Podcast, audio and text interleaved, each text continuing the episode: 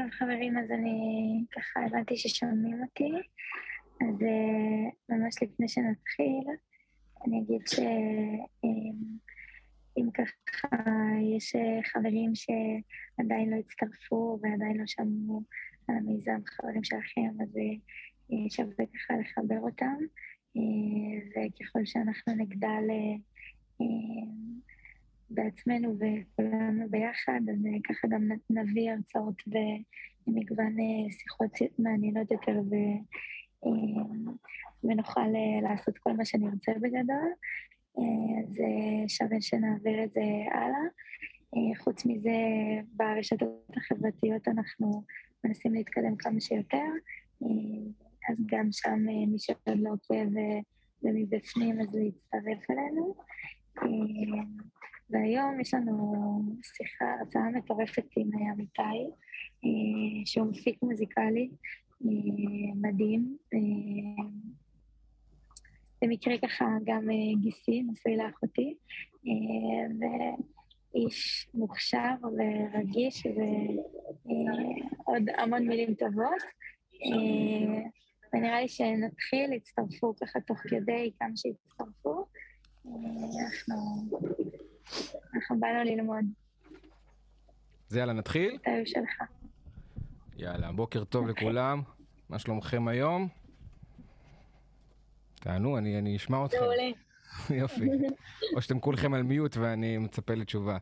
אה, טוב, אז ככה, קצת, אה, קצת על עצמי לפני שנתחיל. Uh, כמו ששי אמרה, אני אמיתי, uh, ואני גם במקרה נשוי לאחות שלה. Uh, אני בן 34, אני חי היום uh, בצפון, uh, ויש לי פה אולפן הקלטות. Uh, במקור אני מירושלים, חייתי שם כל השנים, עד לפני שנה וקצת. אני נשוי לשיראל, כאמור, אבא של דוריה, אני מפיק מוזיקלי, אני uh, קריין, אני uh, מאוד...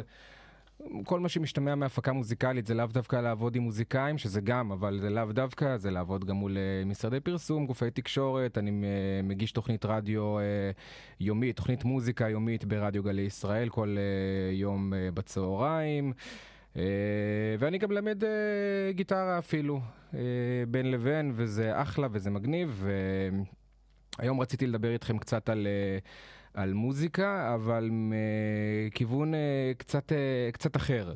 זאת אומרת, בדיוק בסוף שבוע דיברתי עם אשתי, היא אמרה לי שהיא ראתה איזה תוכנית של, תוכנית חדשה של פרופסור דן אריאלי בכאן 11, והוא דיבר שם על מבחן, ה, מבחן הניאגרה, ככה הוא קרא לזה, שזה בעצם אומר שלוקחים כמות של אנשים, כמות מסוימת של אנשים, ושואלים אותם כמה מתוככם יודעים איך פועלת ניאגרה של שירותים. ויוצא שהרבה מאוד uh, לא יודעים, uh, וזה בעצם מצביע על איזושהי נקודה. הדברים ה... הכי מובנים מאליהם, הכי שימושיים ביום יום שלנו, אנחנו משתמשים בניאגרה כמה פעמים ביום, אה, ואנחנו באותה מידה גם שומעים מוזיקה אה, כל יום, כמה וכמה פעמים ביום, אה, ואנחנו לא כל כך יודעים איך זה עובד. עכשיו זו דוגמה מצחיקה, ניאגרה, כן? אבל uh, היא רלוונטית להמון המון uh, תחומים והמון המון דברים בחיים שלנו. Um, ומוזיקה, שהיא משהו שאנחנו נולדים לתוכו, uh, אני יכול לספר שאפילו uh, אחי הבכור, כשאימא שלי הייתה מספרת שכשהיא הייתה בהיריון עם אחי הבכור, אז כל פעם שהוא היה קצת שקט בבטן, uh, והיא הייתה דואגת, אולי משהו לא בסדר, אז היא הייתה לוקחת אוזניות, מפעילה מוזיקה, מצמידה לבטן, ואז הוא היה מתחיל לרקוד לה בבטן. אה, ואז היא הייתה נרגעת. זאת אומרת שזה עוד, עוד לפני שיצאנו לעולם, אנחנו כבר שומעים מוזיקה. אח שלי, אגב, בסוף גם, אה, גם יצא מתופף, זה כנראה השפיע עליו. אה, ואנחנו שומעים מוזיקה מהיום ש... עוד, עוד לפני שיצאנו לעולם ומהיום שנולדנו משמיעים לנו מוזיקה, את מאה שירים ראשונים ושירי ילדים ואנחנו גדלים ואוהבים אה, ומתפתחים ואוהבים את המוזיקה שאנחנו אוהבים ואנחנו לא באמת יודעים איך זה עובד לנו, עזבו עכשיו את התיאוריה המוזיקלית ואת העיבוד וההפקה, זה דברים שהם בפני עצמם, אבל אנחנו אפילו לא יודעים איך זה עובד עלינו ברמה הפיזית, זאת אומרת, מה קורה תכלס לאוזן שלנו, איך זה נכנס לנו למוח. המוח ומה אנחנו בעצם שומעים ואיך המוח מפענח את זה. וזה מאוד מאוד מעניין. אני רוצה לתת לכם דוגמה ראשונה לשמוע. אגב, אני כן אשמח, אני אגיד מראש, אני מניח שבאמת רובכם בדרך לבסיס, אבל גם מי, ואז מן הסתם אתם באוטובוסים או ברכבת עם אוזניות, אבל גם מי שלא, אני אשמח מאוד אם הוא יחבר את עצמו לאוזניות, כי רמקולים של... מכשירים ניידים פחות אה, יספקו לנו את התוצאה שאנחנו רוצים, כי אני הולך להדגים פה אה, אה, סאונדים טיפה קיצוניים בתדרים שלהם. קיצוניים זאת אומרת תדרים מאוד נמוכים או תדרים מאוד גבוהים, תכף אני אסביר גם מה זה אומר, ו- ומכשירים סלולריים לא כל כך יודעים להפיק את הסאונדים האלה, אז כדאי מאוד להתחבר לאוזניות כדי, אה, כדי להפיק את המירב, מה שנקרא, מה, מהעניין הזה. אה, ואני רוצה להתחיל איתכם עם דוגמה מסוימת, בסדר? אז בואו בוא נשמע רגע. ואני אשמח אם תוציאו את עצמכם רגע ממיוט, ואחרי הדוגמה תגידו לי בעצם אה, איזה תחושה אתם מקבלים מהסאונד שאני הולך להשמיע לכם עכשיו. שיר שכולנו מכירים, אבל, אבל בדוגמה קצת אחרת, בסדר?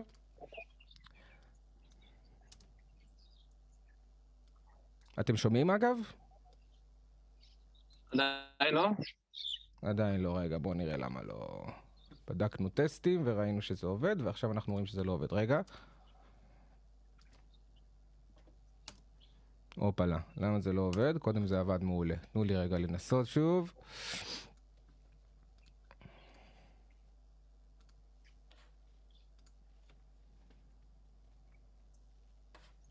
בואו נראה רגע. לא עובד לנו, איזה קטע. מעניין למה, הרגע בדקנו.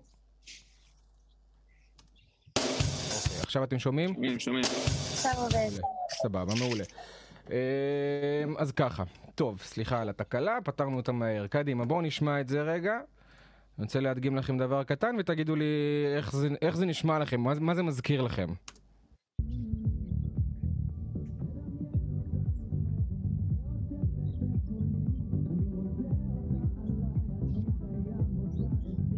אתם מזהים את השיר, נכון?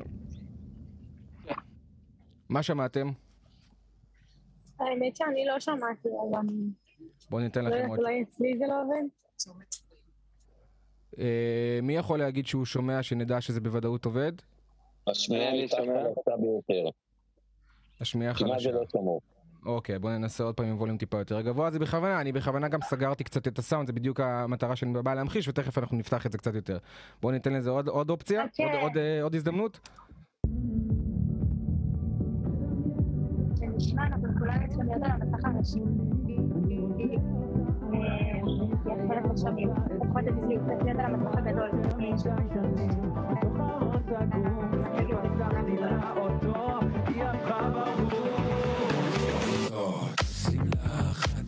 יפה, דוגמה.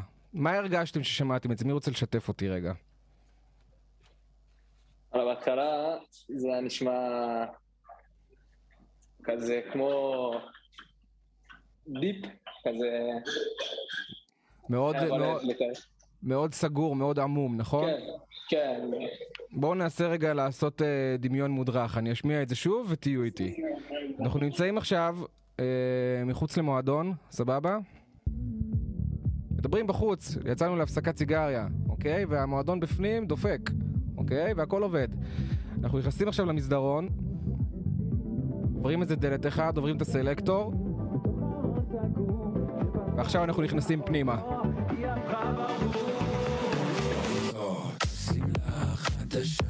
עכשיו אתם מצליחים להתחבר למה שהשמעתי לכם?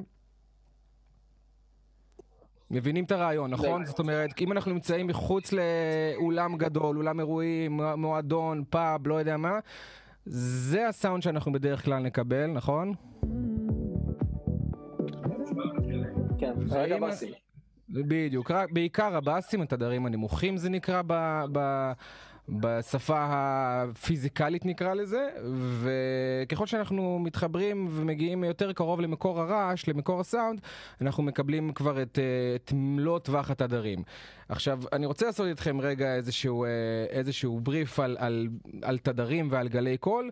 אה, זה תחום מאוד מאוד מעניין, ואני אשמח אם, אם תחזיקו איתי רגע ראש על זה. אה, אז בואו נפתח רגע את העניין הזה. אה, גלי קול, בואו נפת... בוא נדבר רגע על, ה... על, ה... על, ה... על המונח הזה. אנחנו מדברים על, אה, על תדרים שנמדדים, בסופו של דבר הם נמדדים בערכים שנקראים הרץ, אוקיי? אה, חלקכם בטח שמעתם את זה וחלקכם אולי פחות, אבל אה, אני רוצה ככה להסביר לכם מה זה אומר. האוזן האנושית זאת אומרת, תדרים, גלי קול, קיימים בטבע בטווח מאוד מאוד מאוד מאוד מאוד רחב, כמו שאתם יכולים לראות בגרף הזה, מ-0 הרץ ועד 160 אלף הרץ וצפונה, אמ, אבל אם תסתכלו על הפס הכתום פה, אתם תראו שהטווח השמיעה האנושי הוא נע בין ה-20 הרץ לבין ה-20 אלף הרץ, וגם זה בתיאוריה. זאת אומרת, אם אני אשמיע לכם עכשיו תדר של 20 מרץ, אני לא בטוח שתשמעו אותו, וגם לא את ה-20 אלף. אה, ככל שאנחנו מתבגרים, אז uh, הטווח תדרים שלנו עוד הולך ומצטמצם, האוזן מגיבה פחות, ואנחנו נשמע בסביבות ה-16-17 אלף הרץ, או במילים אחרות 16-17 קילו הרץ, שזה ה-K בעצם של, ה- של האלפים. Um, וזה מה שאנחנו שומעים, אוקיי? עכשיו, יש חיות שמתפקדות אחרת. למשל, חתולים וכלבים יכולים לשמוע פה בגרף כתוב עד 40, אני אומר לכם שזה אפילו יותר. עכשיו, למי מי, מי, מי מכם שמע פעם על המונח אה, משרוקית כלבים? אני בטוח שרובכם שמעתם על אה, משרוקית כלבים ואתם יודעים מה זה אומר. אה, בסופו של דבר זה משרוקית שאנחנו שורקים בה, ו... וככה אנחנו קוראים לכלב, הוא יודע איך להגיע אלינו, ואנחנו לא שומעים אותה.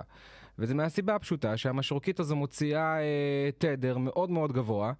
אמ, בדרך כלל מעל 23 קילו הרץ, והכלב שומע אותה, והוא יודע להגיע כי האוזן הכלבית שומעת תדרים אחרים מהאוזן האנושית. אמ, זה לא אומר שהוא שומע טוב יותר, זה אומר שהוא פשוט שומע אחרת. הוא שומע תדרים שאנחנו לא שומעים, אוקיי? אמ, שימו לב לעטלפים, שלהם יש טווח תדרים בשמיעה שלהם שהוא פנומנלי, זאת אומרת, הוא חולש על חצי מטווח התדרים האנושי, אבל מגיע למאות, עשרות אלפי uh, הרצים uh, צפונה לתדרים מאוד מאוד מאוד מאוד מאוד גבוהים, uh, וזה בעצם הדרך של העטלף בעצם ל- ל- להתמודד עם העולם, כי העטלפים, עד כמה שידוע לנו, הם עיוורים, והם יודעים לנתב את עצמם ב- במרחב רק לפי השמיעה, זאת אומרת, כל uh, דבר שהם uh, נמצאים לידו, הוא מספק איזשהו תדר והם יודעים להתמצא, זאת אומרת, מתמצאים במרחב נטו לפי השמיעה שלהם ובזכות התדרים שהסביבה משדרת להם לאוזניים. Uh, וככה זה בא לידי ביטוי uh, במוזיקה. זאת אומרת, כשאנחנו נתנו עכשיו את הדוגמה עם, ה, עם uh, גלי הקול, אז אתם שמעתם את התדרים הנמוכים, את הבאסים, ויש לזה הסבר מאוד פשוט. Uh, אני רוצה שתראו את זה כאן. האדום מסמל לנו, הגל האדום מסמל לנו תדרים נמוכים, והגל הכחול מסמל לנו תדרים גבוהים. עכשיו שימו לב, בסופו של דבר, אה, לכל גל קול יש איזשהו, איזשהו אה, אורח חיים מסוים. הוא מתישהו ימות ויגבע. עכשיו, האורך חיים שלו נקבע כמובן לפי הווליום, אבל כמות המחזורים שהוא עושה אה, היא, ה, היא אורך החיים שלו. זאת אומרת, אם אני קבעתי עכשיו את גל קול באיזשהו ווליום, ונגיד שיש לו חמישה מחזורים אה, לעשות. מחזור זה אומר מנקודת, ה, אה, ה, מנקודת פיק מסוימת, ועד הפעם הבאה שהוא מגיע לנקודה הבאה. אם אתם יכולים לעקוב אחרי העכבר שלי, אז אתם רואים את זה. מסיים איזשהו מחזור. ואם תראו שלתדר גבוה, לצורך העניין, אה, תדר גבוה שנסמן לו חמישה מחזורים, תסתכלו שהוא מתחיל פה, זה מחזור אחד, שתיים, שלוש, ארבע, חמש, והוא מת לנו אחרי טווח, זה הציר זמן, כן? הקו השחור. והוא אחרי חמישה מחזורים, הוא ימות מאוד מאוד מאוד מהר. ולעומת זאת, התדרים הנמוכים יותר, הנה ניתן לכם אפילו תדר יחסית יותר גבוה, עדיין חמישה מחזורים הוא יגיע הרבה יותר רחוק. מה שאומר שבגלל הסיבה הזאת בדיוק, אנחנו נקבל סאונדים כאלה כשנצא מחוץ לחדר או מועדון או מה שזה לא יהיה. כי התדרים הנמוכים מצליחים לחיות יותר זמן. הם מגיעים יותר רחוק ומתמודדים יותר, אה, יותר אה, יפה עם מכשולים בדרך, קירות ודברים כאלה שהם בטח ובטח נותנים כאפה או שתיים לגל קול ומחלישים אותו עוד יותר. אז הם מצליחים לחדור דרך הקירות התדרים הנמוכים והבאסים והדברים האלה, ובגלל זה בכל מקום שיש לנו רעשים מבחוץ, בדרך כלל אנחנו נשמע את התדרים הנמוכים יותר. אמ, וצריך להבין דבר אחד, תדרים, גלי קול, אה, למרות שאנחנו לא רואים אותם, אנחנו, הם בהחלט תופעה פיזית, הם לגמרי קורים, הם לגמרי קורים אה, בטבע כמשהו פיזי, הם, הם, זה שינויים אה, בלחץ האוויר ו, ו, והפרעה בלחץ האוויר שנוצרת היא בעצם יוצרת איזשהו גל קול והוא מתפשט ואנחנו מגיע לנו לאוזן והוא מגיע למקומות אחרים. אה, ומהירות הקול אגב, זה מעניין לדבר על זה גם כן בסוגריים, אבל מהירות הקול היא די נמוכה. זאת אומרת שאם אני יוצר מחיית כף ואני רוצה שהיא תגיע למרחק מסוים, כדי שבן אדם שנמצא אה, במרחק מסוים ממני ישמע אותה, אז אה, מהירות הקול מתקדמת במהירות של 343 מטר בשנייה, תלוי מי מודד, יש שיגידו 340, אבל זה פחות או יותר העניין, שזה במילים אחרות 1250 קמ"ש. עכשיו, אה, אתם בטח ראיתם זיקוקים, אתם בטח אה, ראיתם סופות, אה, סופות גשמים, בטח ראיתם אלף ואחת מקרים של פערים מאוד מאוד משמעותיים בין מהירות האור למהירות הקול. אני אזכיר שוב, מהירות הקול 340 מטר בשנייה היא עושה. זאת אומרת, מרגע שהתופעה האקוסטית קרתה ועד שהיא מגיעה ל-340 מטר קדימה ממנה, לוקח לה שנייה. בסדר? 340 מטר זה לא הרבה. זאת אומרת, אתם יכולים להקפיץ כדור על מגרש באורך 340 מטר, ומי שיעמוד בקצה השני של המגרש ישמע את הקפצה של הכדור רק שנייה אחרי. שנייה זה המון. הוא יראה את הקפצת הכדור, אבל הוא ישמע אותה רק אחרי שנייה. אה, מהירות האור, לשם ההשוואה, היא 300 מיליון מטר בשנייה, שזה מעל מיליארד קמ"ש. ולכן, כשאנחנו רואים זיקוקים, אנחנו קודם נראה את הזיקוק ורק אחר כך נשמע אותו.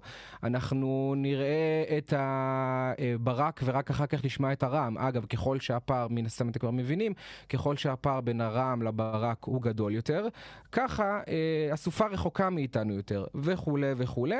אה, ואת כל העולם הזה של גלי הקול אנחנו מודדים כאמור בתדרים, אה, וכמו שאמרנו, אה, הדעיכה של גלי הקול אה, מושפעת מהרבה דברים, אבל בעיקר מגובה התדר. בסדר? עכשיו, איפה כל זה...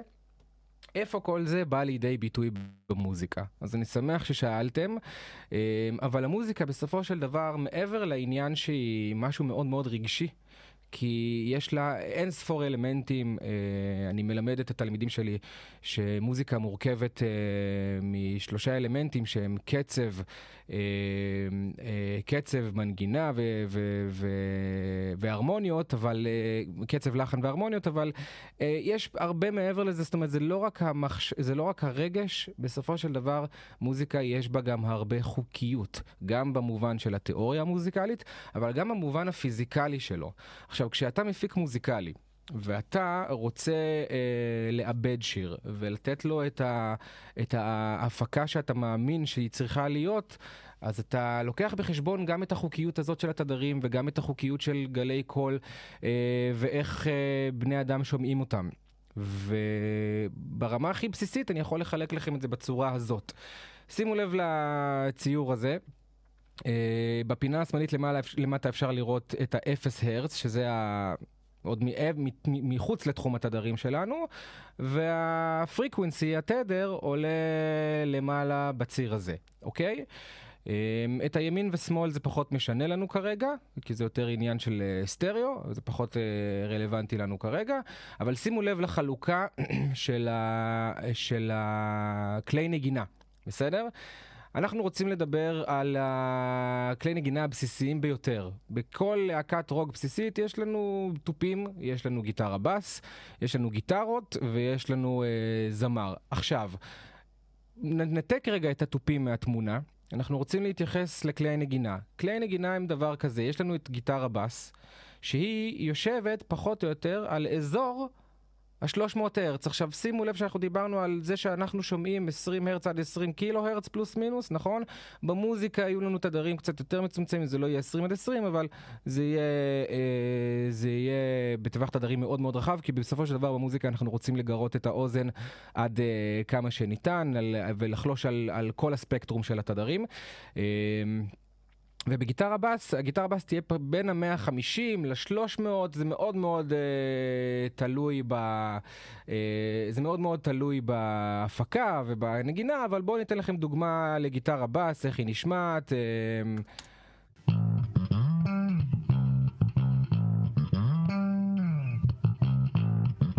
זאת גיטרה בס אה, טיפוסית של אה, פלי, של, אה, שהוא אחד הבסיסטים הגדולים בעולם, הוא מנגן ברדו צ'ילי פפרס. ושימו לב, אני רוצה להראות לכם את הספקטרום של האיקיולייזר, אוקיי?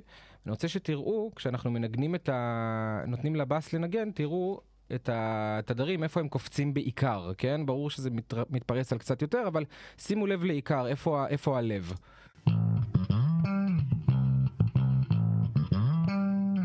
שמים לב לגוש, ה... לגבעה הזאת שפה? כאן בעיקר גיטרה בס מתפקדת, אני אפילו אצמצם לכם את ה-EQ ותוכלו לשמוע אותה עדיין נותנת את, את, רוב, ה... את רוב המסה שלה.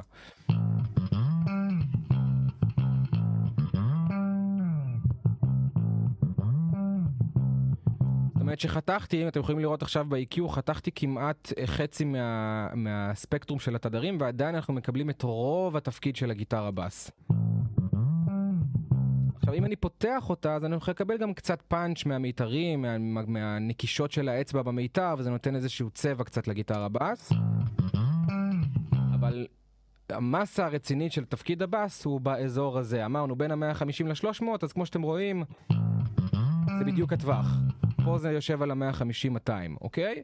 אה, מה עוד? יש לנו גיטרות. גיטרה אקוסטית, גיטרה חשמלית, יש לנו גם קלידים, פסנתר. האמת שפסנתר זה דוגמה קצת פחות טובה, כי פסנתר באמת יש לו מנעד מאוד מאוד רחב. אה, אבל בואו נתייחס רגע לגיטרות. גיטרות יהיו בדרך כלל באזור האמצע, כמו שאתם רואים, הם נמצאים פחות או יותר באזור של הזמר. אה, נתנו לנו פה זמר אה, יפה מאוד. אה, ובואו נשמע רגע, לגיט... נשמע רגע את הגיטרות.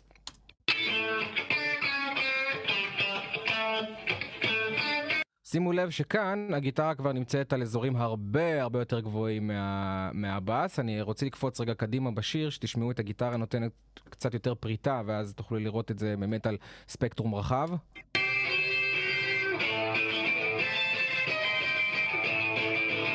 אז כמו שאתם רואים, הגיטרה... לא, לא יושב- שמענו, לא שמענו כלום. אתם לא שומעים את הגיטרה? לא. אני שמעתי. אני גם שמעתי. אוקיי, אמ, אז כן, אז, אז מי שלא שומע שיבדוק אה, למה, כי החבר'ה אומרים... לכו. למסך הגדול, זה מה שקרה לי בהתחלה. על ה- אה, נכון, נכון, נכון, שי הסבירה לנו את זה. בשביל לשמוע צריך להיות על המסך המרכזי ולא לדפדף בין הצופים. אה, רק מי שיראה את המסך אה, שאני מקרין לכם כרגע על, כמסך ראשי יוכל לשמוע את זה, בסדר? אה, אז מי שלא שומע זאת הסיבה. אה, בואו נשמע את זה שוב.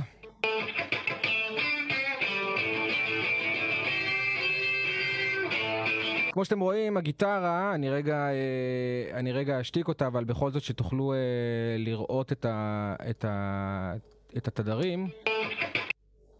אתם יכולים לראות שהגיטרה כרגע מנגנת על אזור אחר לחלוטין מהגיטרה בס, כן? היא נמצאת פחות או יותר 102, אפילו 1.5 קילו הרץ, שם נמצא בעיקר הלב של הגיטרה הזאת, ועד ה-5 קילו הרץ, אבל היא נמצאת אפילו קצת גם בקצוות של הטווחים האלה, וזה, ה... הופה, סליחה, וזה האזור שלה, אוקיי? הזמר, בואו נדבר רגע על הזמר. Uh, הקול האנושי בסופו של דבר חולש על המון המון המון תדרים, כי כשהוא מוציא את הקול מה... אז מדובר בתדרים מאוד מאוד נמוכים, וכשהוא עושה צדיק וסמך ודברים כאלה, אז זה תדרים מאוד מאוד גבוהים. תכף אני אתן לכם להבין אולי קצת יותר לעומק אפילו את העניין של התדרים, אולי הייתי צריך לעשות את זה קודם, אבל uh, מיד ניגש גם לזה. Uh, שימו לב שהזמר הוא נמצא בעיקר בסנטר של הספקטרום, אבל הוא יחלוש על המון המון המון, אה, על חלק גדול מאוד מאוד גדול מה, מהספקטרום. שימו לב לזה.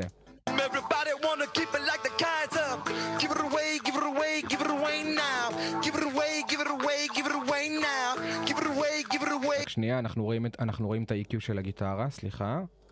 זה ה-EQ שלנו. Everybody עכשיו זה כבר נראה יותר, אה, יותר הגיוני, אתם יכולים לראות ש-100-500 הרץ, אפילו מתחת לזה, הוא חולש ממש על, כמעט על כל התדרים באופן שווה. Everybody יפה. עכשיו, מה זה בעצם ה... אני, אני רוצה רגע לחזור צעד אחורה ולהשמיע לכם בעצם גם את התדרים עצמם. אה, זו דוגמה שאני אוהב לעשות, הייתי עושה את זה גם אה, עם, תלמ... עם אה, תלמידים שהייתי מלמד אותם קצת על, ה... על התחום הזה. אה, ואני רוצה... הופה, רק שנייה. ואני רוצה שתשמעו מה זה תדר נמוך, ורק מי שעם אוזניות באמת יוכל להרגיש את זה. אה, אז מי שעוד לא התחבר לאוזניות, קדימה להתחבר. אנחנו דיברנו על 20 הרץ עד 20 קילו הרץ, אז בואו נפתח את זה.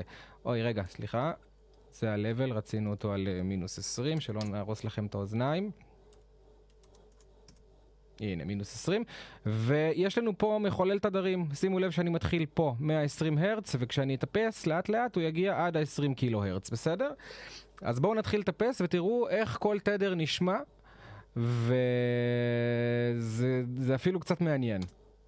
כרגע אנחנו על 20 הרץ, אני אישית לא שומע כלום, אוקיי? וזה המקצוע שלי. אבל בואו נתחיל לטפס.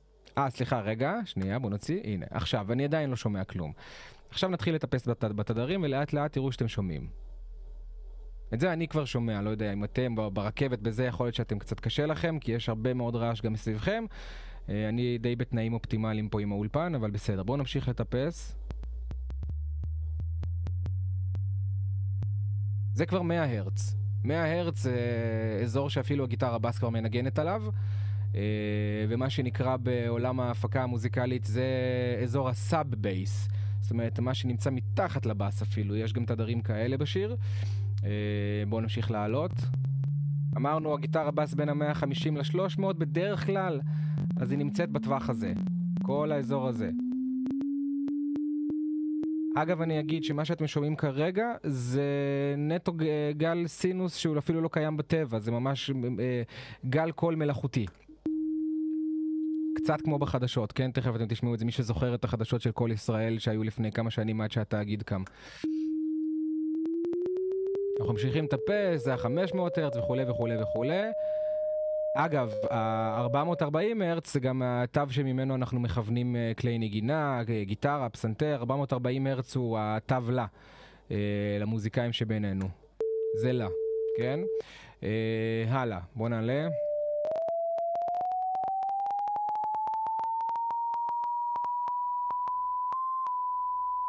זה כמעט 1 uh, קילו הרץ, האלף הרץ זה בעצם מרכז הספקטרום, ותגידו לי אם זה נשמע לכם קצת, קצת כמו הפתיח של החדשות.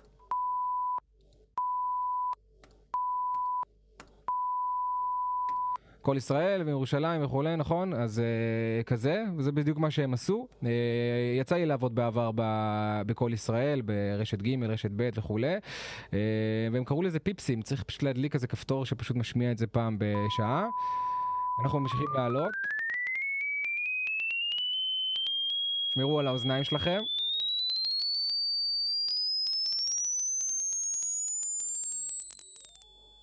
הנה הגענו כבר ל-10 קילו הרץ, אנחנו ממש לקראת סוף הספקטרום. אלה עדיין תדרים שאנחנו שומעים. ומטפסים, מטפסים, מטפסים, ולאט לאט זה יתחיל להיעלם, כל אחד זה ייעלם לו איפשהו, ובווליום שהוא שומע, ובאוזן שמצליחה לפענח, אנחנו על 15 קילו. אמ, אני כבר לא שומע מה קורה פה. אוקיי? כנראה שהזדקנתי מוקדם. אה, וכולי וכולי, והנה הגענו ל-20 קילו הרץ, אה, שזה אני כבר משוכנע שאף אחד מכם לא שומע. אה, וזה בעצם טווח התדרים שהאוזן האנושית שומעת. אתם מבינים שב-20 קיל, הרץ לא שמעתם כלום וב-20 קילו הרץ לא שמעתם כלום. זאת אומרת שמתחת לזה גם לא תשמעו ומעל אה, לתדרים האלה גם כן לא תשמעו. וכל מה שקורה בסנטר פחות או יותר אנחנו שומעים. אמ, אני לא אכנס איתכם לאיזה תדרים אנחנו שומעים חזק יותר ואיזה תדרים אנחנו שומעים אה, חזק פחות. אני בטוח ששמתם לב שכששמתי את התדרים פה, זה ממש אה, צרם לנו באוזן קצת יותר מהתדר אה, הזה למשל. אה, ויש לזה סיבה, יש לזה, עשו על זה הרבה מחקרים, בדרך כלל כשאנחנו יושבים ברכב ואנחנו רוצים לשמוע את הבאסים, אז אנחנו נרים ווליום ברכב, למרות שהתדרים בשיר לא משתנים, אבל ככל שהווליום עולה, אז האוזן האנושית מפענחת יותר טוב תדרים נמוכים, אבל זה בסוגריים נגיד, בסדר? אנחנו לא ניכנס לזה כרגע. אה, אז דיברנו על הגיטרה בס. דיברנו על השירה ודיברנו על הגיטרות. עכשיו, יש לנו גם את התופים. התופים הם uh, מצליחים uh, להוציא המון המון גלי קול. אוקיי? ה bass drum, התוף הגדול של התופים, הוא מוציא את התדרים הנמוכים ביותר בדרך כלל בשיר, אפילו יותר נמוכים מהגיטרה בס. יש לנו את התוף snare, שזה התוף המרכזי, אה, יש לנו את הטם-טמים שנמצאים גם כן, ויש את המצילות, שזה ה hi-hat, ה crash וכולי, שהמתופף נותן. שם נמצאים התדרים הגבוהים ביותר בדרך כלל בשיר, ביחד עם הצדיקים והסמכים של הזמר. שם פחות או יותר נמצאים התדרים הגבוהים ביותר, ואני רוצה שתשמעו כרגע את כל התופים ביחד, ותראו איך האיקולייזר מתנהג עם התופים. רק רגע.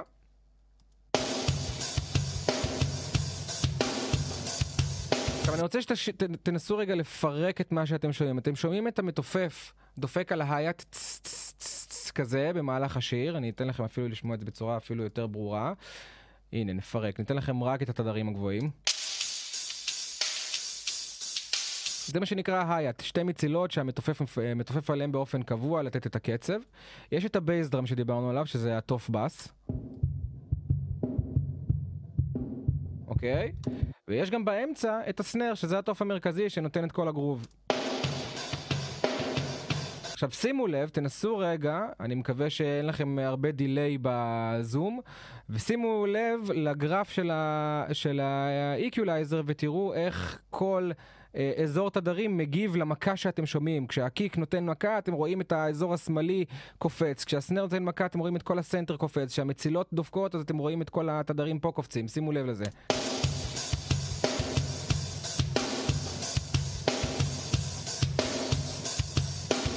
יפה. אז עכשיו כשאנחנו uh, רוצים לחלק את כל, ה, uh, את כל הכלי נגינה, אתם יודעים מה?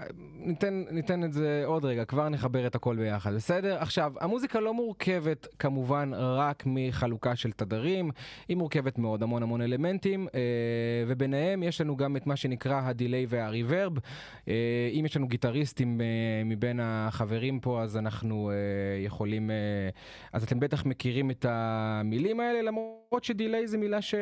באמת אה, כולם מכירים. אה, כי אנחנו מכירים את זה אם עיכבו לנו את הטיסה, ואנחנו מכירים את זה מהרבה, מהרבה מאוד אלמנטים בחיים. אה, ודיליי זה אומר עיכוב, אוקיי? דיליי אומר עיכוב, וזה אומר שאם יש לנו דיליי בסאונד זה אומר שיש לנו איזשהו עיכוב בין התופעה שקורית לבין עד שזה מגיע אלינו. עכשיו, כשאני מדבר בחדר, הגלי קול שיוצאים לי מהגרון יוצאים לכל, לכל כיוון בחדר, הם נתקעים בתקרה, הם נתקעים ברצפה, הם נתקעים בקיר הרחוק, הם נתקעים בקיר הקרוב, ויש החזרים. ובגלל זה כשאנחנו צועקים במסדרון ארוך יש לנו הד. למה זה בעצם קורה? כי הקול שלי נתקע גם בקיר הקרוב אליי וחוזר לי לאוזן. זאת אומרת, אני מקבל קודם כל מהפה לאוזן, אחר כך אני מקבל מה... חזרה מהרצפה ומהקירות הקרובים אליי לאוזן, ומהקירות הרחוקים יותר אליי לאוזן, ומהקיר הרחוק ביותר אליי לאוזן, וככה יש המון המון המון החזרים של גלי הקול שלי, מה שיוצר איזושהי אשליה של הד, אוקיי? וזה בעצם העניין. אתם רואים פה את ה direct sound, שזה בעצם הגל הקול המקורי, הפס האדום, יש את האזור שנקרא early reflections, אני לא אתחיל לחפור לכם על זה, אבל בגדול יש פה את ה reverb, מלא מלא מלא החזרים כחולים שמגיעים אלינו לאוזן בצפיפות מאוד מאוד גבוהה מבחינת ההופעה שלהם, וככה זה נותן לנו את התחושה של הריברב. עכשיו, כשאני השמעתי לכם בתחילת השיחה שלנו את uh, רן דנקר מחוץ למועדון, אז אני נתתי לכם גם לשמוע את הריברב, אוקיי? אני אתן לכם דוגמה. עוד פעם. אתם לא שמעתם רק את התדרים הנמוכים, אתם גם שמעתם את הריברב, שימו לב לזה. אתם שומעים את ההד הזה? זה בדיוק מהסיבה הזאת שאם היינו נמצאים בחדר נפרד, היינו מקבלים גם את כל ההד הזה, ולא רק את, ה, את, ה, אה, ולא רק את המקור עצמו.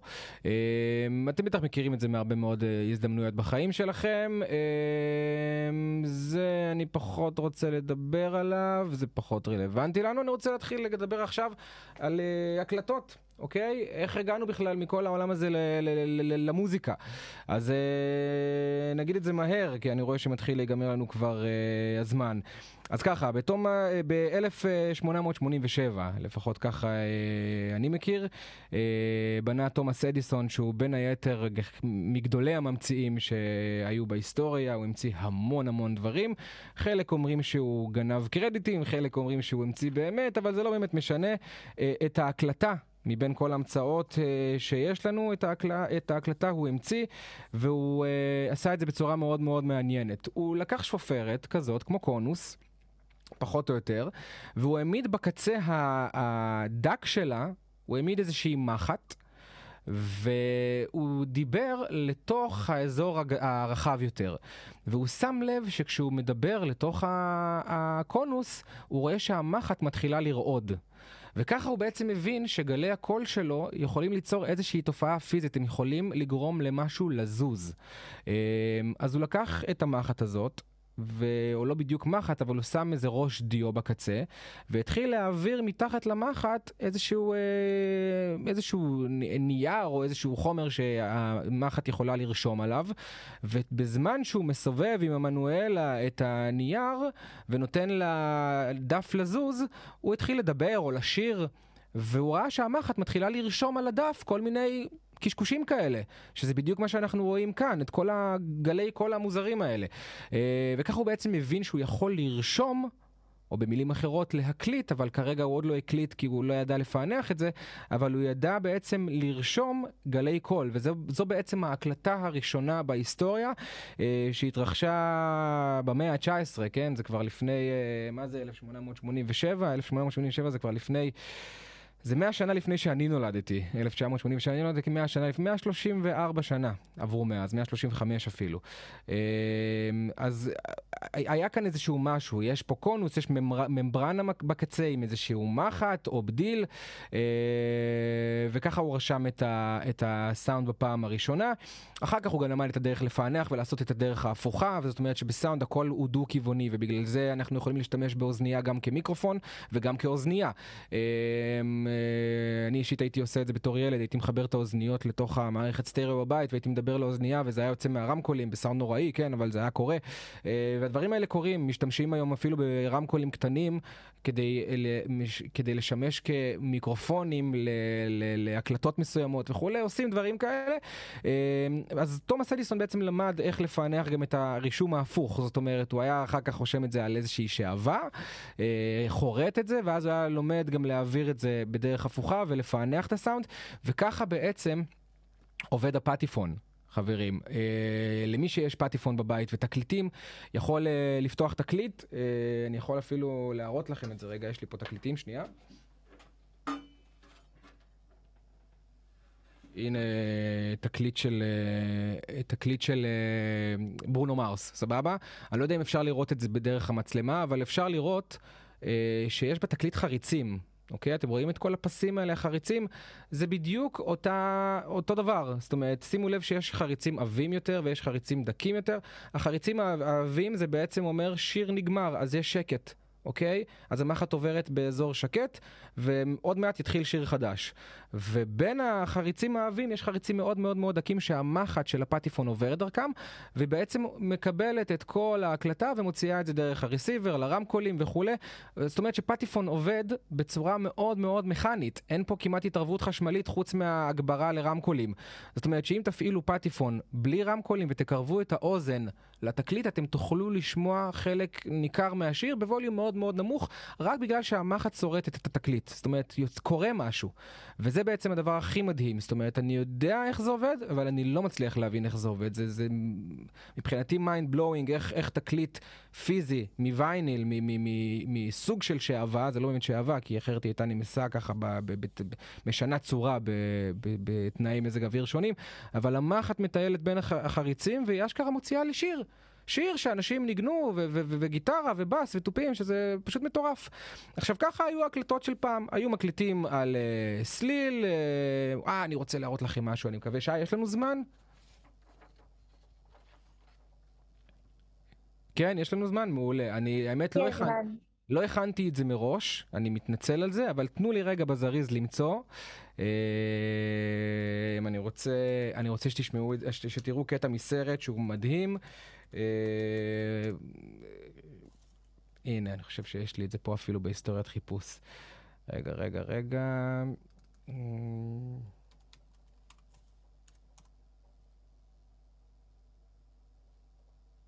אני חושב שזה זה. כן, זה זה. זה שלוש דקות שאני רוצה שתראו מתוך סרט שנקרא Cadillac Records. מי שאוהב מוזיקה, אז מבחינתי סרט חובה, אה, משחקת בו גם אה, ביונסה, היא מגלמת שם את אה, אטה ג'יימס, הוא מספר פחות או יותר את הסיפור של, של תחילת אה, הרוק אנד רול והבלוז אפילו בשנות ה-50 בשיקגו ובדרום ארצות הברית. וכאן יש סצנה שמתרחשת ששני חבר'ה מחברת תקליטים, שאז לא היה כל כך עניין בחברות תקליטים, זה היה ממש עניין חדש, הם היו מפיצים את המוזיקה לתחנות הרדיו, הגיעו לבית של אה, אדם שחור, שבתקופה ההיא הם עוד היו אה, חבולים ופצועים מאוד מכל תקופת העבדות ומאוד מאוד חשדנים כלפי אה, בני אדם לבנים, אה, והם מגיעים אליו עם מכשיר הקלטה, והם ידעו שהוא אה, גיטריסט לא פראייר, ותראו מה קורה. מאוד מאוד מעניין.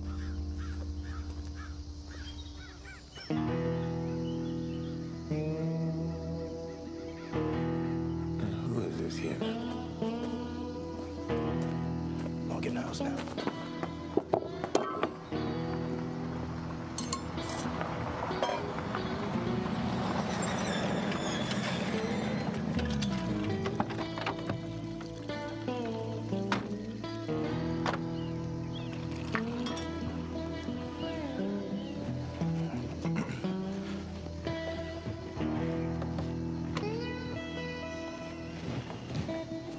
McKinley Morganfield? Yes, sir. I'm Alan Lomax. And this is Mr. John Work from Fisk University. How you doing? Fine, you. I'm recording folk music for the Library of Congress. Folk music. Could you move into the mic a little bit for me? Thanks. Play that thing, man.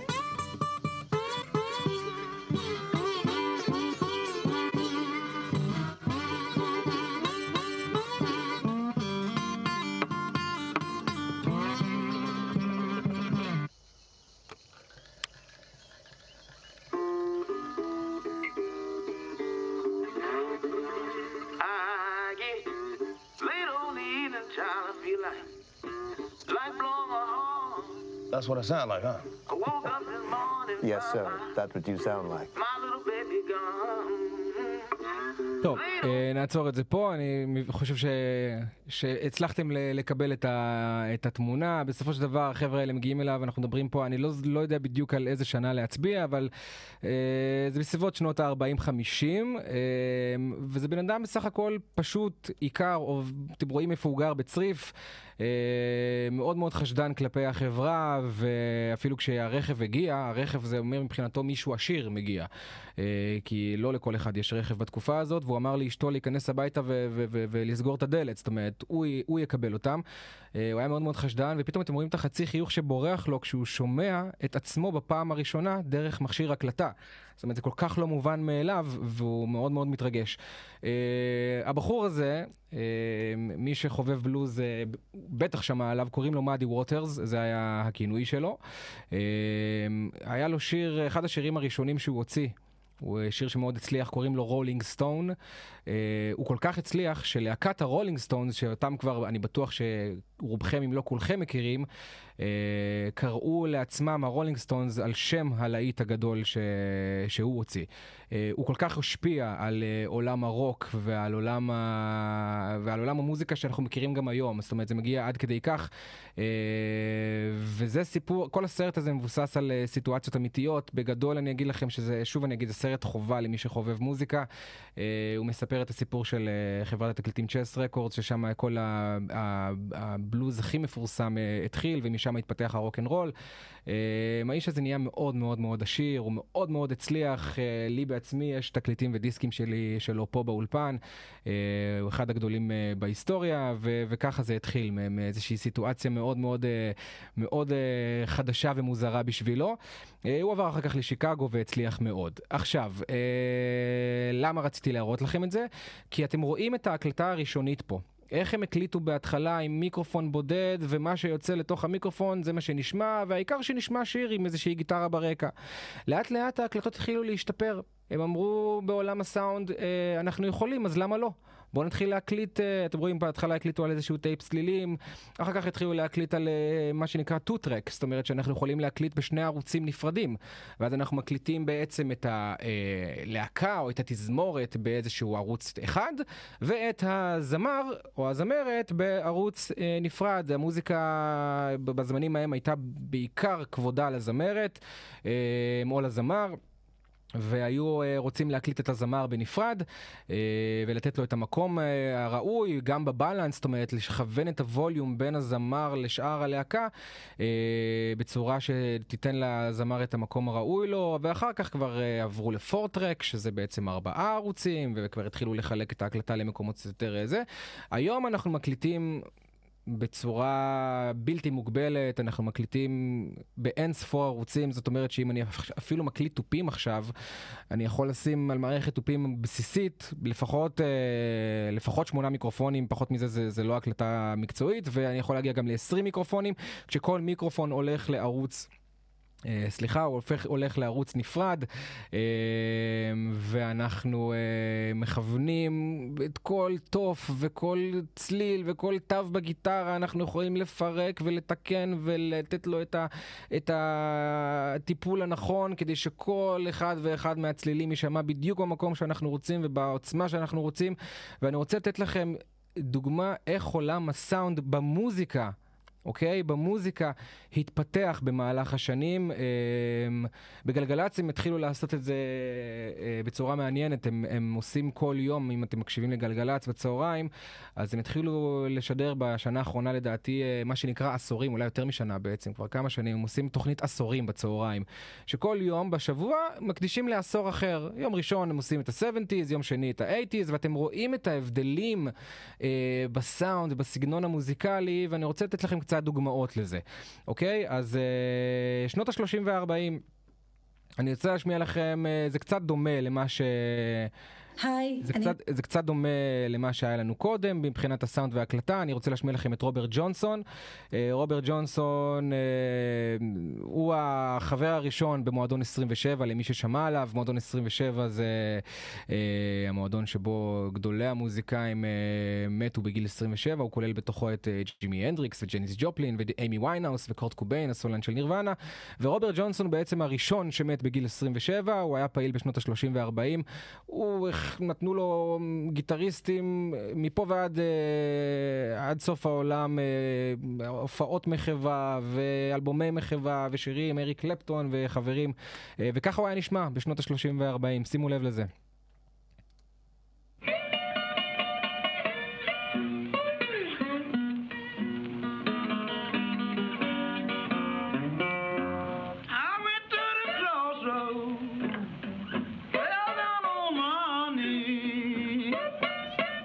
שאתם אה, יכולים לשמוע זאת הקלטה מאוד מאוד מאוד אה, בוסרית ובסיסית, אבל היא עדיין מלאה ברגש.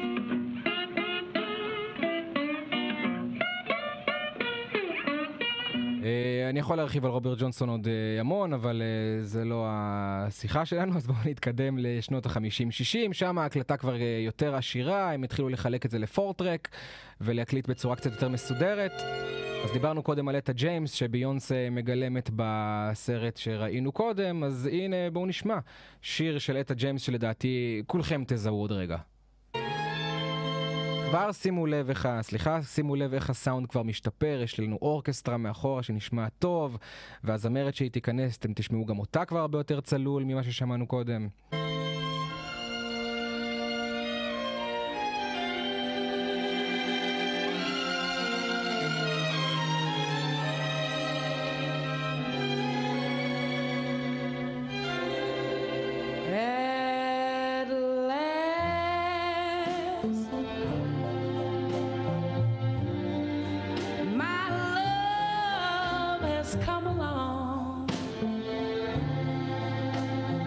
אז כן, אה, זאת אה, אטה ג'יימס, אה, שנות ה-50-60, אתם מזהים את האווירה, ככה המוזיקה בשנות ה-60 הייתה נשמעת, גם בסגנון המוזיקלי וגם בסגנון הסאונד. בואו נתקדם ל-70's. 70's זה העשור האהוב עליי לפחות, יחד עם ה-90's. חובבי הרוק המתקדם בטח מכירים את פינק פלויד. וגם לא רק חובבי הרוק המתקדם פינק פלויד, אחת הלהקות המצליחות בהיסטוריה. השיר הזה קוראים מאני. מתוך uh, Dark Side of the Moon, אתם בטח מזהים גם את הציור פה. שימו לב פה איך הסאונד כבר הרבה הרבה יותר צלול, הגיטרה בס נשמעת מאוד ברור, יש פה כבר משחקים בסטריאו עם הצלילים של המטבעות והקאש, ותראו מה קורה כשכל הלהקה נכנסת, איך אתם מקבלים כבר את הסאונד לתוך הפרצוף.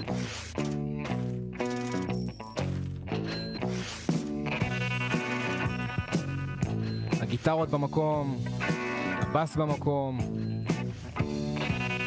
כל הסאונד כבר, אה, אם הייתי צריך לבחור מילה, אז הסאונד כבר הרבה הרבה הרבה יותר נקי. הוא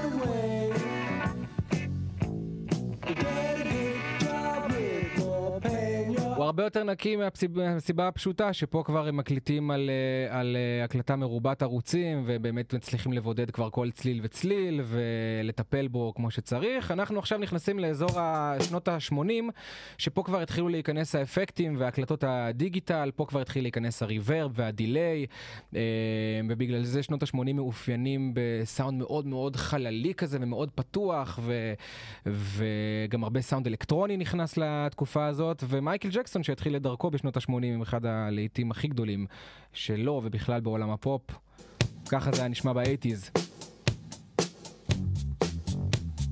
שימו לב של snare כבר יש reverb אגב, יש כזה מין פא כזה שנפתח.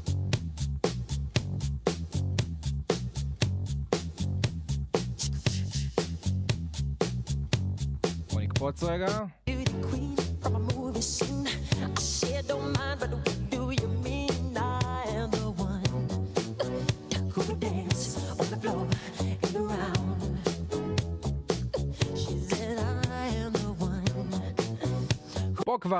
שנות, שנות, שנות 80, כן, זה כבר לפני 40 שנה, ועדיין תראו איזה סאונד יפה וצלול. אני קופץ לשנות ה-90, לחובבי הרוק הכבד, מטאליקה. המסע להרס מוחלט.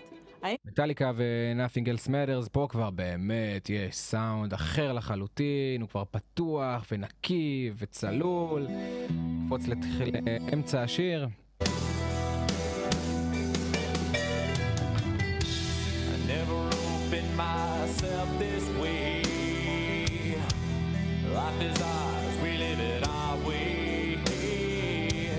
יכולים לשמוע את הבייס דראם של התופים נותן את המכה שלו כמו שצריך, הסנר נותן את המכה, הזמר נשמע מאוד מאוד צלול כאילו הוא כאן לידינו.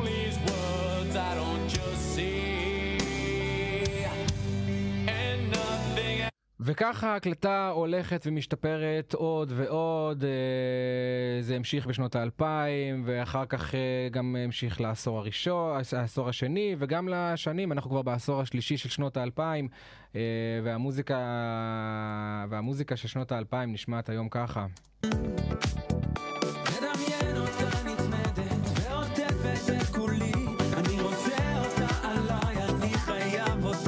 סאונד מאוד מאוד מאוד אה, נקי וצלול ומצוחצח ומבריק וכולי, בדיוק מאותן סיבות. אז אה, כשאני אומר שאנחנו מקליטים בהרבה ערוצים, זה אומר שאנחנו באמת מפרקים כל כלי וכלי בנפרד, ועם זה אני רוצה גם לסיים. דיברנו על ה-EQ, אז אני רוצה שתשמעו איך זה קורה כשאנחנו מחברים את כל הכלים אה, ביחד. בואו נעשה פה מיוט על כל הערוצים החברים פה. אני פותח לכם איקולייזר על, ה, אה, על השיר שלנו, ונתחיל עם הבאס, אוקיי? זוכרים מה אמרנו על הבאס?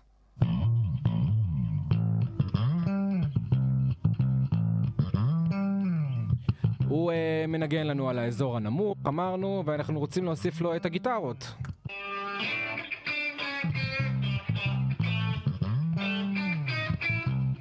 אגב, אתם יודעים מה? עוד לפני הגיטרות, אני רוצה שתשמעו איך הוא מתכתב עם ה bass drum של התופים.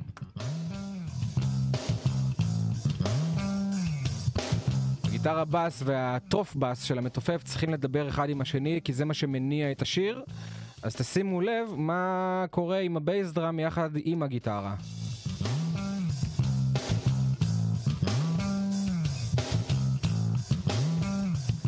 עכשיו אני אוציא רגע את התופים, כי אני רוצה לחבר את הגיטרות לבאס.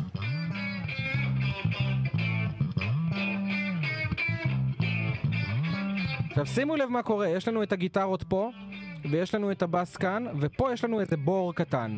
הבור הזה מיועד בכוונה לתת מקום לזמר. אוקיי? גם הסנר, אבל הסנר נותן רק מכות קצרות, אז הוא לא יכול אה, למסך על הזמר. וכל הבור הזה כאן הוא לתת את המקום לזמר לצאת הכי ברור ונקי שיש. בואו נחבר קצת את התופים. אתם יכולים לראות שעדיין יש בור בסנטר, חוץ מהמכות של הסנר שקצת מקפיצות, אבל יש פה איזשהו חור, וכשאני אחבר את הזמר, אתם תוכלו לראות אה, איך כל הספקטרום שלנו מתרחב, וככה בעצם יש לנו את It Away של אה, Red Hot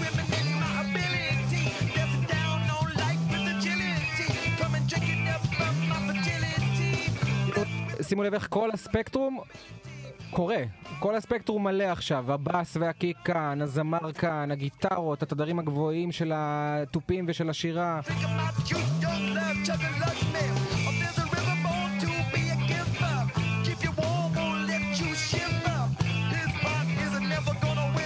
אז uh, בפעם הבאה שתשמעו uh, שיר שאתם מאוד מאוד אוהבים, אז uh, אולי uh, תבוא לכם המחשבה של וואלה, יש פה איזשהו טווח תדרים שאני, שאני כבן אדם מסוגל לשמוע, והמוזיקאים האלה, לא רק שהם uh, כתבו שיר עם מילים שהם uh, התכוונו, והלחינו אותו בצורה uh, מעוררת השראה, ועשו עיבוד מאוד יפה עם כלים, ישבו שם אנשי מקצוע, uh, טכנאי סאונד וטכנאי מיקס. שישבו ופירקו את השיר הזה לגורמים, וטכנאי הקלטה גם, ופירקו את השיר הזה לגורמים לתדרים שלו, והקליטו כל כלי וכלי בנפרד, וטיפלו בו בפינצטה, כמו ניתוח כירורגי, את הקיק, שאתם צריכים להבין שכשנדבר על קיק, על הבייסדרם של התופים, יש uh, טכנאי מיקס שיושבים רק עליו שעות על גבי שעות ומטפלים בסאונד שלו, ואחר כך בסנר, ואחר כך בגיטרה, ומפצלים, ועושים, ועושים הכפלות, ומיליון דברים שקורים בתהליך המיקס, uh, כדי שהכל יישמע בדיוק כמו שצריך ובדיוק כמו שאנחנו רוצים שזה יישמע ואיך שאנחנו רוצים שזה יגיע לרדיו ואיך אנחנו רוצים שזה בסופו של דבר יגיע גם לאוזניים של אה, כל אחד ואחד מאיתנו ולא לחינם השירים האלה נשמעים כל כך טוב, יש המון המון מחשבה מאחורי זה אה, והמון המון אה, מחקר ומדע. זאת אומרת, כמה שמוזיקה היא... נפשית ורגשית ומנגנת לנו על דבר מאוד מאוד בסיסי כמו הרגש שלנו, היא עוברת תהליכים מאוד מאוד מאוד ארוכים של מחקר ומדע וטכנולוגיה, וכמו שאתם ראיתם גם בסיקור הזמן שעשינו, היא מתפתחת כל הזמן. הטכנולוגיה מתפתחת, אז גם המוזיקה מתפתחת וגם הסאונד מתפתח, אה, וככה, וככה זה נשמע. אה, פה אנחנו מסיימים, ותגידו לי אם יש לכם אה, שאלות, אני אשמח לענות. לי יש שאלה קטנה. כן, איך קוראים לך? אה, נועם. נועם, נעים מאוד. נעים מאוד. אה, כשעשית, כשהשמעת לנו את כל התדרים, אז באיזה, בתדרים הממש גבוהים, כאילו שמעתי את האוזניות שלי כזה מתפוצ... כאילו כזה... מתפצלחות. כן, ולא הבנתי כאילו למה... אה, אני, אני אתן לך לשמוע את זה רגע שוב, כי זה גם, זה לא בהכרח בגלל האוזניות שלך, זה גם בגלל, אה, זה גם בגלל הפלאגין עצמו שפתחתי, אוקיי? אני אתן לך רגע לשמוע תדר גבוה, סליחה. אתן לך לשמוע תדר גבוה בלי לשחק יותר מדי עם, ה, עם התדרים ותראי שזה בסדר. פשוט כשאני קופץ מתדר לתדר אז יש חיתוכים כאלה ואז זה נשמע קרחצים כאלה. דיברת על, דיברת על זה, כן. נכון? אוקיי, כן. לגמרי. אז, אצלי זה פשוט נשמע כמו חיתוכים מאוד מאוד גסים, אבל יכול להיות שהאוזנייה עם הווליום גבוה, או משהו קצת... אה, אה, אוזנייה טיפה אה, לא מצליחה להתמודד אולי עם ה... עם ה... לא יודע בדיוק, אבל יכול להיות שזה... אה, זה, זה בעיקר בגלל ה... ה... הפ... אני קורא לזה פלאגין, כן? התוכנה בתוך תוכנה, ש... שמשמיעה בעצם את, הת... את התדרים האלה. בסדר? עניתי לך על השאלה? מעולה. מה עוד? יש קצת שאלות אה, בצ'אט, עמיתי אה, אוקיי, רגע, בוא נפתח את זה. אה, צ'אט אואה, בואו נראה. אה, יואב, האוזניים של המיקרו תבור כבר לא שומעות כלום, אה, לא סתם במטווחים אתם צריכים להיות עם הטמי אוזניים, זה מאוד מאוד נכון. אה, הוא כתב את זה בצחוק, אבל אני יכול להגיד לכם שהמרצה שלי, אני למדתי שלוש שנים סאונד ב... לפני קרוב לעשור, למדתי שלוש שנים סאונד בבית ספר לסאונד בתל אביב, והמרצה אולי הכי בולט שלי ו... ושהכי הייתי מחובר אליו גם הוא, באחד השיעורים פעם, אני זוכר זוכר אותו אומר, אה, כשאני הולך להופעות, אני הולך עם הטמא אוזניים. וכל החבר'ה בכיתה יושבים ומסתכלים עליו, אחי, אז למה אתה הולך להופעות? הוא אומר להם, תגידו, אתם, אתם אמיתיים? האוזניים זה כלי העבודה שלכם, ובהופעות חשיפה, אוקיי? חשיפה לאורך זמן לרעש בווליום גבוה פוגעת בשמיעה. היא פוגעת בענות התדרים של האוזן, והיא פוגעת אה, באור התוף יכולה גם לפגוע, זאת אומרת חשיפה לאורך זמן באמת באמת פוגעת בשמיעה, בגלל זה אנשים שעובדים בבנייה מול כלים כבדים של מקדחות ו- וכאלה, או כמו שיואב כתב פה בצחוק, אבל, אבל זה בהחלט משפיע. אה, אז הוא אמר לנו, אני לא רוצה לפגוע בפרנסה שלי, ובגלל זה אפילו כשאני בהופעות אני עם אטמי אוזניים אה, כדי לשמור לעצמי על האוזן, אז יש איזה עניין. אה, ברוך כתב לנו, קוראים לזה פידבק. אה, אם ברוך עדיין פה, אני אשמח אם הוא יגיד למה הוא התכוון, כי אני רק עכשיו רואה את כל מה שכתוב. אה, אני כאן, כן. דיברתי יותר על מה שדיברת, של מה שחוזר מהמגבר, שככה אפשר... של ה delay, מה delay שנוצר. לא, לא בדיוק. ה delay נוצר מהחזרים טבעיים. אוקיי? פידבק זה כשאני פותח מיקרופון ומעמיד אותו אל מול הרמקול. אתם בטח מכירים את זה ברעשים שאתם שומעים בהופעות לא מספיק מקצועיות או בכנסים כאלה, ותמיד יש את הצי, הצפצופים האלה שמחרישים לכולם את האוזניים. אה, זה נובע מטיפול אקוסטי לא נכון של הבמה. אה, של הסאונדמן באותו ערב, זאת אומרת, אם המיקרופון אה, עומד אל מול מוניטור מסוים או אל מול רמקול מסוים, אז הם, נוצר איזשהו לופ של תדרים שנשלח בין המיקרופון לרמקול, ואז זה פשוט, מה שאתם שומעים, הצפצופים האלה, זה איזשהו תדר שצריך לטפל בו. אה, והוא זה שמחריש לכולנו את האוזניים. זה לא delay, זה, אה, פידבק זה לא delay, פידבק זה פשוט לופ שחוזר על עצמו של איזשהו תדר. אה, delay זה החזרים של גל קול. החזרים מרובים של גל קול אפילו, אפשר לקרוא לזה. מקווה שעניתי על השאלה. בואו נראה מה עוד. שנקמן. יש סצנה בסרט על ריי צ'ארלס שקור... שרואים את ההתחלה של ההקלטות בכמה ערוצים בצורה טובה. אה, מעניין, אני חייב לומר שלא ראיתי את הסרט על ריי צ'ארלס למרות שהרבה פעמים אמרו לי לראות אותו, אז, אה, אז, אני, אז אולי כדאי באמת שאני אעשה את זה סוף סוף. אה, אם תוכל להסביר שוב על מה שאמרת על האוזניות, שהאוזניות יכולות גם להקליט ושזה דו-כיווני. אני אסביר. אה, עולם הסאונד עובד בצורה, עולם ההקלטה עובד בצורה מאוד פשוטה. אה, גם לאוזנייה וגם למיקרופון, אני לא רוצה להתחיל לדבר יותר מדי על איך מיקרופון בנוי, אבל בסופו של דבר כל מיקרופון אה, בנוי אה, כשיש בתוכו ממברנה. ממברנה זה מין איזשהו אה, משטח. אה, דק מאוד, שכשאנחנו מדברים הוא פשוט רועד, והוא זה ששולח את הפולסים, אוקיי? לתוך, ה, אה, לתוך כל המערכת של המיקרופון, וככה הפולסים האלה נהפכים לפולסים חשמליים, שעוברים דרך הכבל ומגיעים למכשיר הקלטה וכולי וכולי וכולי, אוקיי? עכשיו אם תחשבו רגע, מה קורה בעצם כשאנחנו אה, שומעים מוזיקה? מה רמקול עושה? הרי אם אני, וואי, הייתי שמח להראות לכם את הרמקול ה... אין לי איך להראות לכם. אה, אם תפתחו רמקול, אפילו לא תפתחו, יש הרבה רמקולים חשופים שאתם יכולים לראות את ה... אולי נראה לכם פשוט תמונה של זה, זה לא בעיה. בואו נפתח גוגל רגע. אה, אה, הנה, רמקול פשוט. אתם יכולים לראות פה את העיגול הזה. נפתח את זה על גדול, שתוכלו לראות את זה. אתם יכולים לראות את העיגול. זה ממברנה, חברים. עכשיו, אה, אני יכול להזמין אתכם אליי לאולפן ולתת לכם גם אפילו לגעת בממברנה כשה, כשהרמקול עובד, כשיוצא ממנו סאונד. ואתם תוכלו להרגיש שהרמקול פשוט ממש רועד במהירות מטורפת, הוא נותן מלא מלא מלא מלא פולסים כאלה, שככה בעצם יוצא הצליל. זאת אומרת, אמרנו, הסאונד הוא בעצם תופעה פיזית לחלוטין. הרמקול מייצר שינויים בלחץ האוויר ומוציא את גלי הקול אלינו. ואם הרמקול משמיע לנו את הפולסים האלה, והממברנה מקליטה את הפולסים האלה, זאת אומרת שהפעולה היא דו-כיוונית.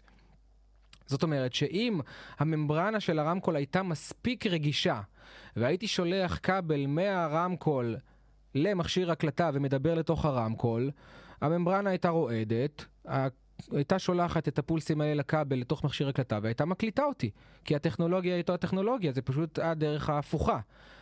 אני מקווה שאתם מצליחים להבין מה אני אומר, כי אם לא, אני אחדד את זה עוד. אבל בסופו של דבר יש ממברנה גם במיקרופון וגם באוזנייה.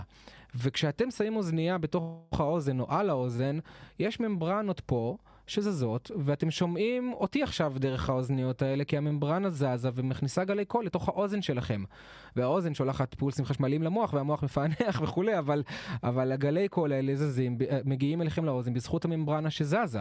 ואם היא זזה בפעולה אה, כיוונית לצד אחד, אז היא יכולה לזוז גם בפעולה כיוונית לצד השני.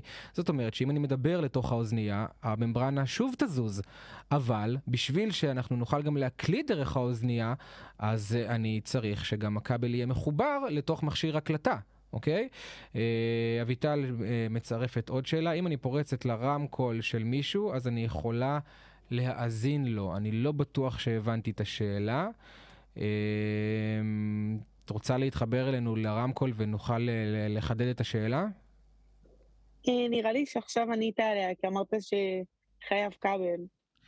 אה, כאילו התכוונתי סתם, נגיד עכשיו אני פורצת לאויב, נגיד לאיראן, לרמקול כלשהו, אני יכולה לגרום לשמוע את מה שהם אומרים? חד וחלק, לא. בסופו של דבר, לא, אני אסביר, באופן, בשביל לפרוץ לתוך רמקול את צריכה שתהיה לך איזשהו חיבור לתשתית שלו. זאת אומרת, אה, שתהיי מחוברת אליו איכשהו, אם יש לך... נגיד ואני מחוברת. אה, אז ברור, בסופו של דבר, כל מה שמייצר תופעה אקוסטית אנחנו יכולים לשמוע. אוקיי. אוקיי? תחשבי על זה רגע, זאת אומרת שאם אני נמצא עכשיו בתוך חדר ואני מדבר, יש uh, כל מי שיצליח להתחבר לחדר בדרך כזאת או אחרת יוכל לשמוע את מה שאני מדבר. אתם יכולים לשמוע עכשיו את מה שאני מדבר כי אני מדבר לתוך מיקרופון, ומי שיהיה פה בחדר לידי ישמע את, ה, את המקור ממש מהפה שלי.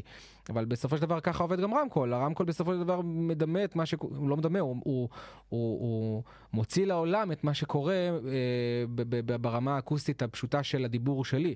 אבל אם אני יכול להתחבר לרמקול, שמוקלט עליו משהו ולשמוע מה הרמקול מוציא, אז כמובן שאני אוכל לשמוע אותו.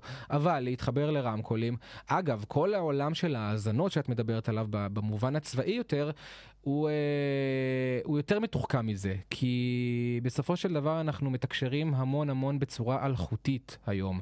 אה, הרדיו, גלי הרדיו, כל גלי ה-FM וה-AM, אה, זה עולם סופר מרתק, אגב, אה, לא נכנסנו לזה בכלל, אבל כל עולם התדרי FM ו-AM זה עולם מאוד מאוד מאוד מרתק, והשתמשו אה, בטכנולוגיה הזאת, עד כמה שזכור לי, בכלל אה, כלים אה, צבאיים בהתחלה.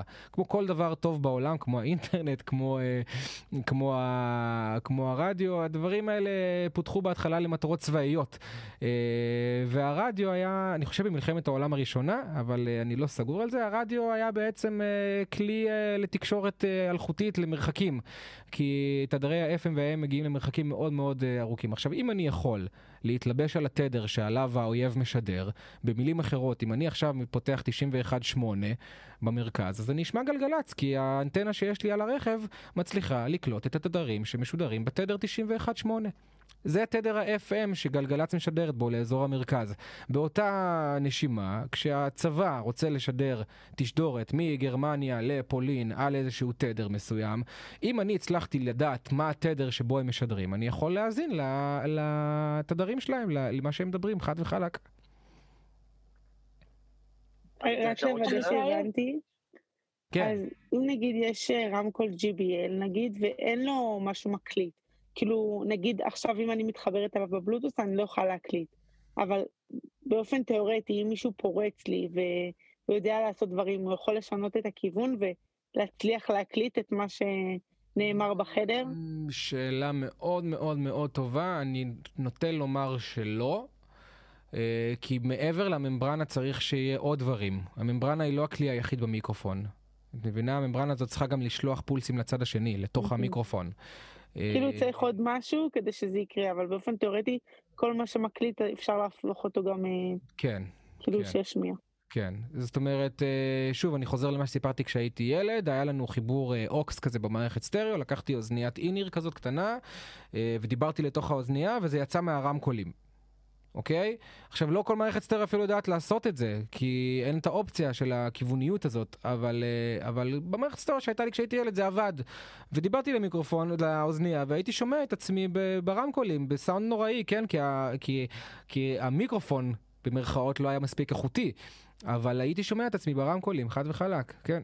אבל uh, להתחבר אלחוטית למיקרופון בלוטות, לרמקול בלוטות' ולגרום לו ל... אני, אני מנסה לחשוב גם איך אפשר להתחבר אלחוטית לרמקול בלוטות' ממרחק. זאת אומרת, איך עושים דבר כזה, את מבינה? אני לא מצליח לחשוב על טכנולוגיה שיכולה להשתלט על רמקול מרחוק. בלוטות', עד כמה שידוע לי, יכול לקלוט uh, במקרה הטוב, uh, מה, 10 מטר, 15 מטר? אני לא יודע כמה בלוטות' קולט, אולי קצת יותר. Uh, כן, בלוטות', אינטרנט, סתם בשביל הדוגמה אמרתי. כן, אתה צודק, תודה. וי-פיי זה אולי קצת יותר מעניין, אבל שוב, צריך להתחבר לווי-פיי שלך, ואז אולי באמת יכול לקרות משהו. יכול להיות. לא, לא חקרתי את זה לעומק, אבל זו שאלה מעניינת האמת. שווה לבדוק את זה. מה עוד? תודה. בכיף. אמיתי. כן. מה קורה כששני תדרים uh, מתנגשים? כלומר, uh, שני כלים שנוגעים על אותו תדר, מה התוצאה בסאונד? Uh, התוצאה היא שהתדר uh, פשוט uh, מקבל, בגדול, חוק פיזיקלי מאוד מאוד מאוד פשוט. כשאנחנו מכפילים עוצמה, כשאנחנו מכפילים מקור סאונד מסוים, הווליום שלו עולה ב-6 dB. עכשיו, מה זה 6 dB? לא אומר לכם הרבה, דציבל, כן? אבל זה מה שקורה כשמוכפל, זאת אומרת, אם אני עכשיו אשים את השיר ואני אשים את השיר הזה במאוד רמקול, אז הווליום יעלה ב-6 dB בחדר, אוקיי? עכשיו, תדר... זה לא הדבר היחיד שקורה, כי כשאני השמעתי לכם תדר מסוים, השמעתי לכם גל סינוס, אבל במוזיקה התדרים קצת יותר מורכבים.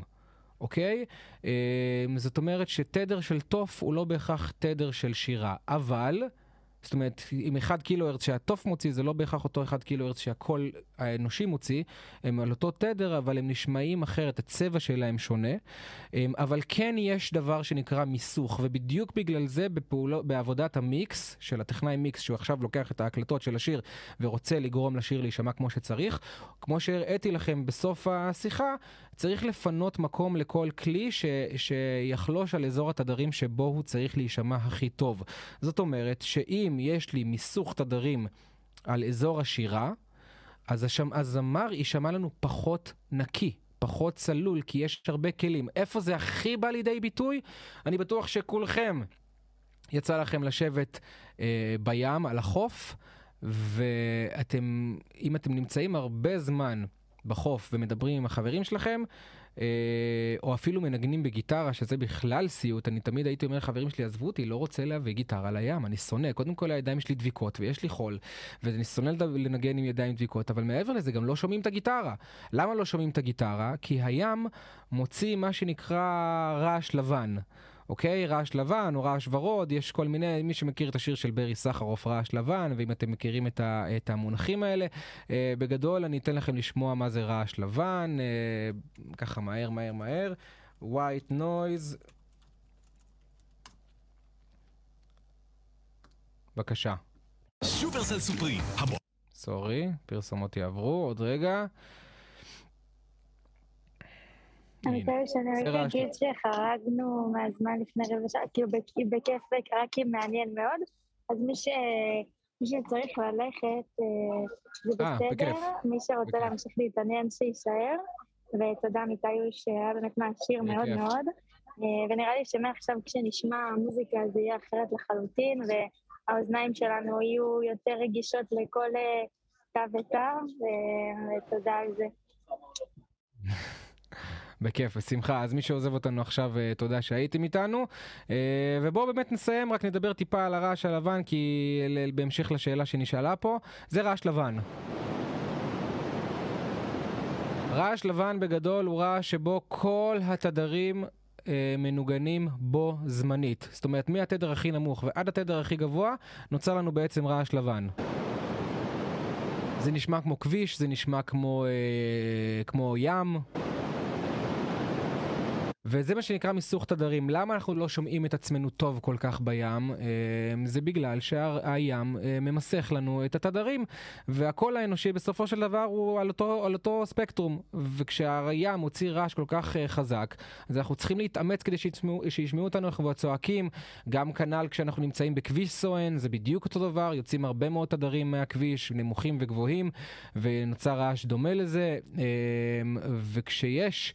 שני תדרים, שני תדרים זה לא מספיק, אבל אם יש לנו עומס של תדרים אה, באזור מסוים, זה אומר שיש לנו בעיה במיקס ואנחנו צריכים לטפל בזה אה, ולהתחיל לנקות. כלים מסוימים. כלי שיושב לי על ספקטרום מסוים, על, על אזור תדרים מסוים, זה כלי שאולי אני לא צריך שהוא יושב לי על הספקטרום הזה, אבל אני צריך לנקות אותו משם, כדי לתת מקום לכלי אחר שכן צריך לבוא לידי ביטוי ב, ב, בטווח התדרים הזה. אמ, ו, וזה בדיוק מה שקורה בים. הים לא מתחשב בנו, הים הוא לא בא לעשות מיקס איתנו, והים מוציא רעש שדומה לרעש לבן, ובגלל זה הוא ממסך לנו את הדיבור, הוא ממסך לנו את הגיטרה, ו, וכן, זה, זה בהחלט אה, יכול להשפיע. להשפיע, אה, ובמיקס זה בא לידי ביטוי בכך שאנחנו, בזכו, מזל שיש לנו את, ה, את ההקלטה מרובת ערוצים ואנחנו יכולים לטפל בכל כלי בנפרד, בדיוק מהסיבות האלה, בין היתר, כן? לא רק, אבל גם מהסיבות של הטיפול ה, של ה-Equalizer ולנקות תדרים מכלים שאנחנו לא צריכים, אה, בטווח ספציפי, כן? בטווח תדרים ספציפי, כדי לתת מקום לכלים האחרים שיבואו לידי ביטוי בצורה הרבה הרבה יותר ברורה. מקווה שעניתי על השאלה. מה עוד? ענית מצוין, תודה רבה עמיתי. יש, בכיף. אז אם אין עוד uh, שאלות, ובהמשך למה ששי אמרה, אז uh, מסתבר שבאמת חרגנו. Uh, שמחתי להיות איתכם היום, אני מקווה שנהניתם ושהיה מעניין. ואתם מוזמנים, מוזמנים לאולפן, מוזמנים לאינסטגרם, מוזמנים למה שאתם רוצים. שיהיה לכם אחלה שבוע ותהנו בצבא, ותזכרו תמיד שגם השירות הצבאי בסוף נגמר. תודה. בכיף. תודה, אמיתי. בכיף. יאללה, יום טוב, שבוע טוב. תודה רבה. ביי ביי.